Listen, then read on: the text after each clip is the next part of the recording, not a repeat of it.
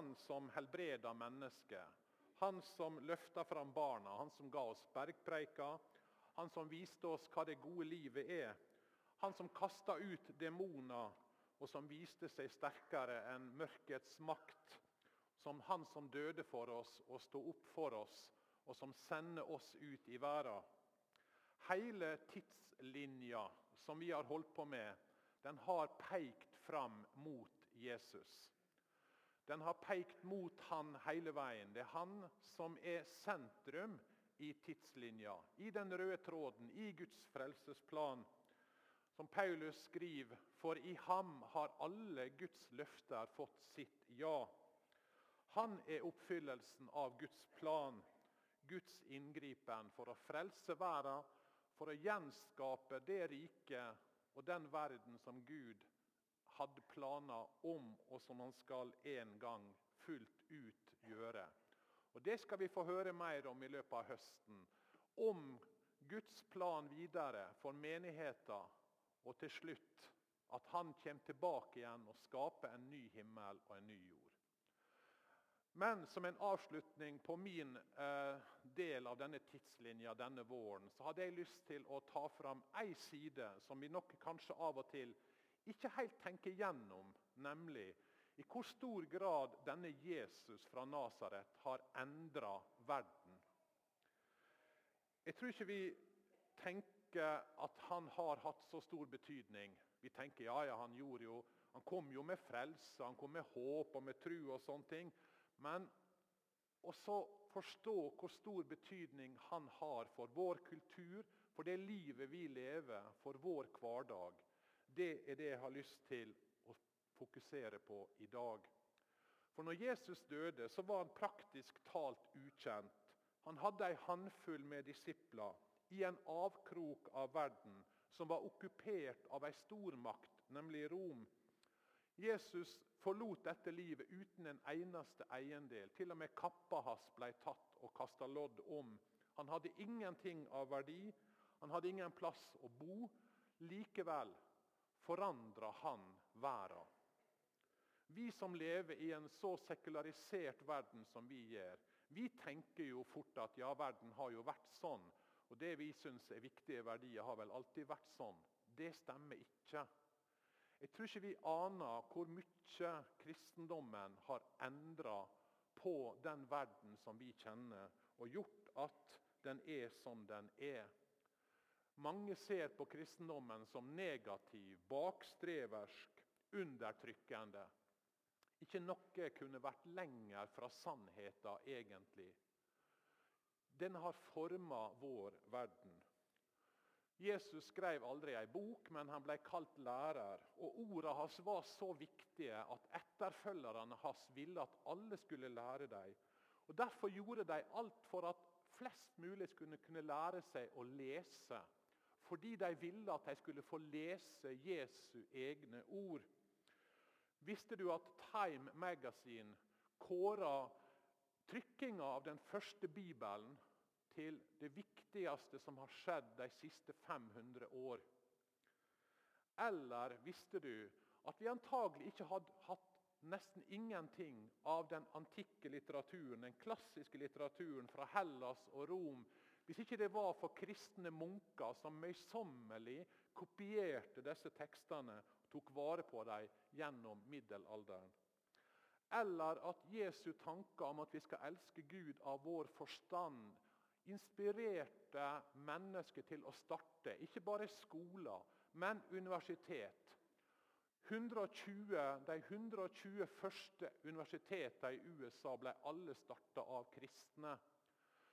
Og Det tenker du kanskje ja, men alle var kristne den tida. Nei, det var langt fra sånn. Men kristne så på det å forske og lære som noe som var gitt oss av Gud. Fordi Gud hadde skapt denne verden. Og Gud var en ordens Gud. og Dermed kunne vi forske på denne verden. Visste du at det samme gjaldt i Europa? Cambridge, Oxford ble starta av kristne. Ydmykhet som ble forakta i antikken, ble løfta fram fra Jesus som en grunnleggende verdi. Tanken om at fiender skulle hevnes, straffes, ble snudd opp ned av Jesus, som sa vi skulle elske våre fiender. Jesus hadde ingen hær, ingen politisk posisjon. Han sa at hans rike var ikke av denne verden. Men likevel, den bevegelsen han starta, fikk slutt på keisertilbedelsen. Den inspirerte til demokrati. Den begrensa makta til herskerne. La grunnlaget for grunnlover og menneskerettigheter. Og vi kunne ha fortsatt. Jeg tror ikke vi aner hvor mye Jesus har hatt innflytelse. Hvor mye han påvirka det livet som vi nå tar som selvsagt. Men jeg skal nevne bare tre ting i dag. Og Det er for det første Det blir kortfatta, men likevel. Jesus sitt syn på barna. Den kulturen Jesus levde i, den jødiske kulturen, hadde et ganske høyt syn på barna. Fordi det var så grunnleggende i Det gamle testamentet at barn er en gave fra Herren. Livsfrukt er ei lønn. Men i den romerske og den helenistiske kulturen var det ikke sånn. Det var nemlig slik i den kulturen at barn hadde egentlig ikke verdi. I hele det som er den kjente verden, bortsett fra den lille jødiske delen, så var synet på barn at du kunne på en måte bare gjøre med dem som du ville. De trengtes fordi staten og nasjonen skulle vokse, men de kunne gjerne settes ut og dø hvis du følte at de var handikappa eller de var jenter. Og Her er det et sitat fra en brev fra en mann som er i den romerske tjenesten, og som er ute på reise, og som skriver et brev hjem til sin gravide kone. Og Der skriver han han regner med at fødselen skjer før han kommer hjem. Jeg ber og bønnfaller deg om å ta godt vare på vår babysønn hvis fødselen skjer før jeg kommer hjem. Hvis det blir en gutt, så behold han. Hvis det blir en jente, så kvitt deg med henne. Dette var kulturen som det kristne budskapet kom inn i og forandra. Fordi barn hadde ikke verdi i seg sjøl. De var råmateriale for kulturen og for krigen. Og I Sparta tok staten hånd om barna for at de skulle bli gode soldater. Og Så kommer Jesus, og så løfter han barna fram. På en måte som ingen andre har gjort. Et eksempel. Disiplene kommer og spør hvem er den største i himmelriket. Og Så kaller Jesus til seg et lite barn stilte det midt iblant dem og sa, sannelig, jeg sier dere, uten at dere vender om og blir som barn, kommer dere ikke inn i himmelriket. Den som gjør seg selv liten som dette barnet, han er det største i himmelriket. Og den som tar imot et slikt lite barn i mitt navn, tar imot meg. Hvorfor har Tony på sitt hjerte å hjelpe barna i slummen? Hvorfor har mennesker til alle tider, kristne, tenkt vi må ta oss av barn? Jo, Jesus sier, 'Den som tar imot et slikt lite barn i mitt navn, tar imot meg'. Han forandrer på verden. Han forteller noe om at i Guds rike er det omvendt fra alt annet. Der er de små store, og de store, de er små. Og han identifiserer seg med barna. Det vi gjør mot et barn, det gjør vi mot han. Er det rart at Jesus forandra synet på barn i hele verden etter å ha sagt dette her? Derfor var de første kristne helt fra første stund imot det som skjedde blant i de kulturene som de levde i. Didaché, som er fra antagelig rundt år 100 eller før kanskje år 80, som er altså den første kristne katekumenisme, første kristne sammenfatta læra, tar opp også dette her. Du skal ikke drepe et foster ved abort. Heller ikke skal du drepe et nyfødt barn. Det var så selvsagt fordi barna ble av Jesus løfta opp. Det har verdi ikke fordi det presterer noe, ikke fordi det kan noe, eller fordi det skal bli soldat eller utføre noe. det har verdi fordi det er skapt av Gud. Pass dere for å forakte en eneste av disse små, for jeg sier dere, de har sine engler i himmelen, som alltid ser min himmelske Fars ansikt. Alt du og jeg gjør mot et barn, blir sett av Gud i himmelen. Det blir fulgt med på det du og jeg gjør mot barn. Jesus løfta opp barna, og det forandra verden. Jesus løfta opp barn, og så løfter han opp kvinner. Vi snakker allerede om det til innledning, men jeg tror det er vanskelig for oss i vår norske virkelighet å ane hvor lavt kvinner var i disse kulturene som vi snakker om her, i antikken. Lova i Rom var at en far var forplikta til å fø opp en sønn, men bare den første av jentene. Alle andre kunne en bare drepe. Kan dere tenke dere? En gresk poet, Posidipus. Alle fører opp en sønn selv om en er fattig, men kvitter seg med en jente selv om han er rik. Dere har sikkert hørt om byen Delfi i det som nå er Hellas. Byen Delfi, der har en av alle ting tatt vare på eh, eh, altså historier fra antikken fordi de tok vare på og skrev ned 600 kjente familier vet vi om i Delfi. En folketelling som er notert ned. Av disse 600 familiene så er det bare seks familier som har mer enn ei jente. Bare seks av 600 har mer enn ei jente. Og Det er i en tid da en gjerne hadde seks, åtte, kanskje ti barn. Bare seks har to eller flere jenter. Hvorfor? Fordi jenter ble sett på som betydningsløse og ble satt ut for å dø. Og Dette skjedde jo ikke bare i antikken. Det skjer jo i vår tid. En som heter Amartya Sen han har skrevet mye om dette. her. Han skrev en artikkel som har fikk enorm ut, uh, utbredelse og oppmerksomhet. Den heter 'More than 100 million women are missing'. Vi savner 100 millioner kvinner i verden i dag. 100 millioner. Han skriver om India, om Kina, om andre land der en har hatt en kultur der jenter ikke har hatt verdi, der en aborterer eller dreper eller overlater dem til å dø. Og Det har ikke blitt bedre siden han skrev denne artikkelen i 1990. En forsker som heter Mara Wistendal hevder i en artikkel at i Asia i dag så er det en ubalanse på 163 millioner flere menn enn kvinner. Med alle de problemene som det følger. Men noe begynte å skje i den kristne delen av verden. Og det skjedde pga. Jesus. En mann som løfta kvinner fram. Vi lever i en kultur som er så påvirka av dette at vi har glemt hvor radikal Jesus var. Et eksempel.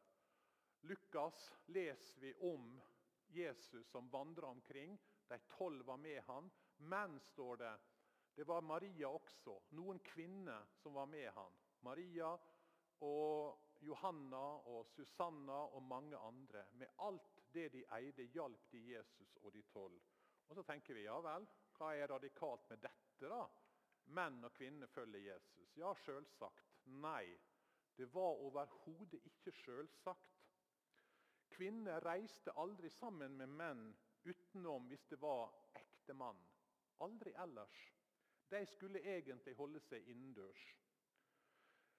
I Hellas så var det slik at skuespillerne i de teatrene som jo oppførte masse stykker, var enten slavejenter eller prostituerte.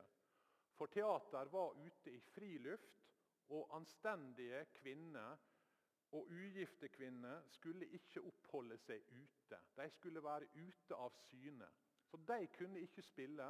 Så slavejenter eller prostituerte var de som måtte spille i disse stykkene. Og så ser vi Jesus som har kvinner med seg i følget sitt. Kvinner og menn som hørte på han, som lærte av han, som var hans disipler, som tjente med alt de eide. Betalte regningene. Jesus ikke bare aksepterte det, han ville det. Dietrich Bonhoeffer han sier Jesus ga kvinnene verdighet. Før Jesus var kvinner regnet som mindreverdige personer i religiøs betydning.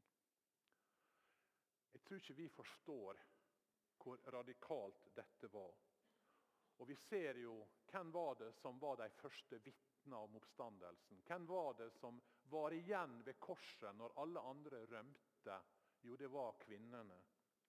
Og Det er helt totalt uforståelig, som vi har sagt før, at en skulle ha dikta opp at kvinnene var vitne til oppstandelsen. For kvinner kunne ikke vitne i en rettssak.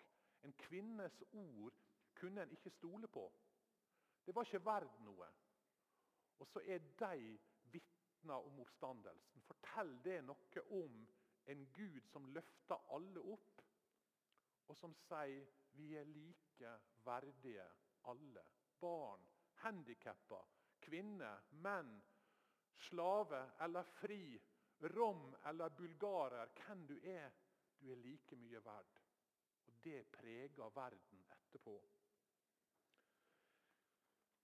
Det sprer seg, og selv om Kirka gjennom historien ikke har bare gode eh, vitnesbyrd om dette, så må vi likevel holde fast på at den kristne kulturen åpner for ei likestilling i samfunnet som var uhørt overalt ellers i andre religioner. Binding av føttene til kvinner i Kina, omskjæring i Afrika, selvmord på likbål av enke i India, polygami, mangel på utdanning, mangel på muligheter. Det er mange kulturer som kunne ha trengt å møte den Jesus som løfta kvinner opp og ga dem ny verdighet. Og Det var der den kristne kirka spredde seg. At det ble slutt på å legge jenter ut for å dø, selge dem til slaveri og seksuell utnytting. Og Det er sånn i dag også. Katrine, min eldste jente, hun skrev en masteroppgave fra Nicaragua om kvinner i pinsekirkene i Nicaragua. Det er jo et utrolig mannsdominert samfunn og kvinneundertrykkende samfunn Nicaragua. Men oppgaven hennes fikk tittelen 'Mitt liv er totalt forandret'. For det var konklusjonen på hennes masteroppgave. Kvinnene som ble kristne i pinsekirkene i Nicaragua, opplevde en frigjøring og en ny verdi som forvandla livet deres. De fikk lederrolle i kirka. De fikk en ny sjøltillit som de tok med seg inn i familien. Og nekta å godta undertrykking av, av mennene lenger. Kristendommen sitt budskap var kvinnefrigjørende. Dorothy Sayers sier kanskje er det ikke noe rart at kvinner var de første ved krybben og de siste ved korset. De hadde aldri møtt en mann som var slik som denne mannen. Og det har heller aldri vært noen slik mann som han. Jesus løfta opp barna, han løfta opp kvinner. Og han løfta også opp de syke og de fattige og de svakeste. Vi har nettopp lest fortellinga om den barmhjertige samaritan. Kanskje en av Jesu mest kjente fortellinger. Og De kristne de tok Jesu ord bokstavelig. Det er en sosiolog som heter Rodney Stark, som sier at kanskje hovedgrunnen til at kristendommen spredde seg så fort i de første århundrene, det var måten de kristne tok seg av de syke. Rundt 165, mens Marcus Aurelius var keiser i Rom, så brøt det ut en epidemi som tok livet av en tredjedel av befolkninga. Tenk dere det. En tredjedel av befolkninga dør i en epidemi inklusiv keiseren sjøl. Mindre enn et hundre år seinere kom det en ny epidemi, og opptil 5000 mennesker døde daglig i Rom. Hva gjorde folk? Jo, det var jo panikk, selvsagt. De gjorde alt for å berge seg sjøl. Så syke og døende ble overlatt til seg sjøl. De ble kasta ut av huset, lagt i veigrøfter, overlatt de til seg sjøl. Ingen ga dem hjelp eller mat, for det var hver mann for å berge seg sjøl. Men det var ei gruppe som ikke gjorde dette, og det var de kristne. Midt i epidemiene så fulgte de Jesu eksempel. Og En biskop som heter Dionysius, han skriver til tross for farene tok de ansvar for å pleie de syke. De hjalp dem med alle deres behov, tjente dem i Kristus, og de forlot livet sammen med dem. For de ble smittet av sykdommen, men de var lykkelige og aksepterte sine, smerter.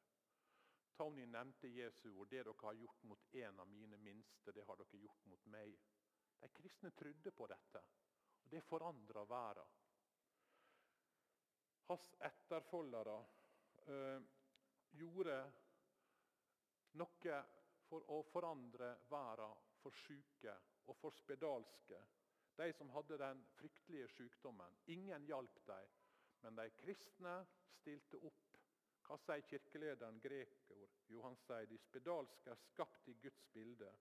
La oss ta vare på Kristus mens vi kan. La oss lindre Kristus i hans lidelser. La oss gi Kristus mat. La oss gi ham klær. La oss invitere Kristus inn. La oss vise Kristus ære. Og Med det så starta de de første sykehus. På et kirkemøte i 376 ble det bestemt at alle plasser der du bygde en katedral, skulle det også bygges et sykehus. Fordi en trodde på det Jesus sa, om at det vi gjorde for de minste, det gjorde vi for Han. Og Sånn har det vært opp gjennom historien. Jeg kunne ha nevnt mange. Jeg skal bare nevne én person, fader Damien. Ett eksempel. Han var en belgisk prest. Han arbeidet på Hawaii på 1800-tallet. Han laga til et sted der spedalske kunne bli elska og stelt med. Han flytta dit, tjente de spedalske. Og Hver dag sa han 'Gud elsker dere spedalske'. Helt til han en dag ikke sa det lenger, men så sier han 'Gud elsker oss spedalske'. For han ble smitta av sykdommen sjøl og døde av spedalskhet. Gang på gang har kristne tenkt det Jesus sa, er sant. Jeg vil følge han. Jeg vil gjøre mot de minste små det som han har bedt oss om å gjøre. Jesu ord forandra verden. Fordi de som fulgte han, fulgte han ikke bare i ord, men de fulgte han i handling. Kanskje fordi han sjøl, Jesus, rørte ved spedalske. Omfavna de som var utafor, de ureine. Men mer enn det. Vi leste om den barmhjertige samaritan. Der var en mann på vei fra Jerusalem til Jeriko. Når Jesus forteller denne fortellinga, så er han sjøl på vei opp til Jerusalem. Han veit at der oppe vil han bli slått. Han vil bli frarøva alt han har. Og til og med kappa hans kaster de lodd om. Hans fiender ikke bare slo han til blods, men hang han på et kors. Han ga avkall på alt, inklusiv sitt eget liv, for å berge og for å frelse oss. Og Med det så starta Jesus ei endring av denne verden. Han sa Guds rike er kommet nær. Guds rike er midt iblant dere. Vend om og tru evangeliet. Følg meg, ta korset ditt opp og bli med meg. Den som vil berge sitt liv, skal miste det. Og den som mister livet sitt for min skyld, han skal berge det. Og så sier han, gå dere og gjør likedan. Og så er det det Jesus kaller oss til. Han som på en måte sjøl var villig til å, å gå denne veien å være den barmhjertige samaritan for oss. Han kaller oss til å følge han. Den barmhjertige samaritan er djupest sett Jesus sjøl. Han betalte alt for å berge oss fra synd, fra død og fra djevelens makt. Han fører oss ikke bare til et herberge, men han fører oss til vår rette heim, til himmelen. Vil du følge han? Vil du ta imot hans frelse, hans nåde, hans tilgivelse? La oss be. Vi takker deg, Jesus, for at du er den ekte, barmhjertige samaritan som ga avkall på alt for å tjene oss, for å gi ditt liv, for at vi skulle få leve. Få ta imot din frelse, din nåde, det håpet du har gitt oss. Ikke bare om et herberge der du steller oss, men et evig liv hos deg så ber vi om at vi må få være mennesker som følger deg, og som fortsetter med å forandre denne verden fordi vi hører på dine ord. Ikke bare høre dem, men også leve etter dem. Amen.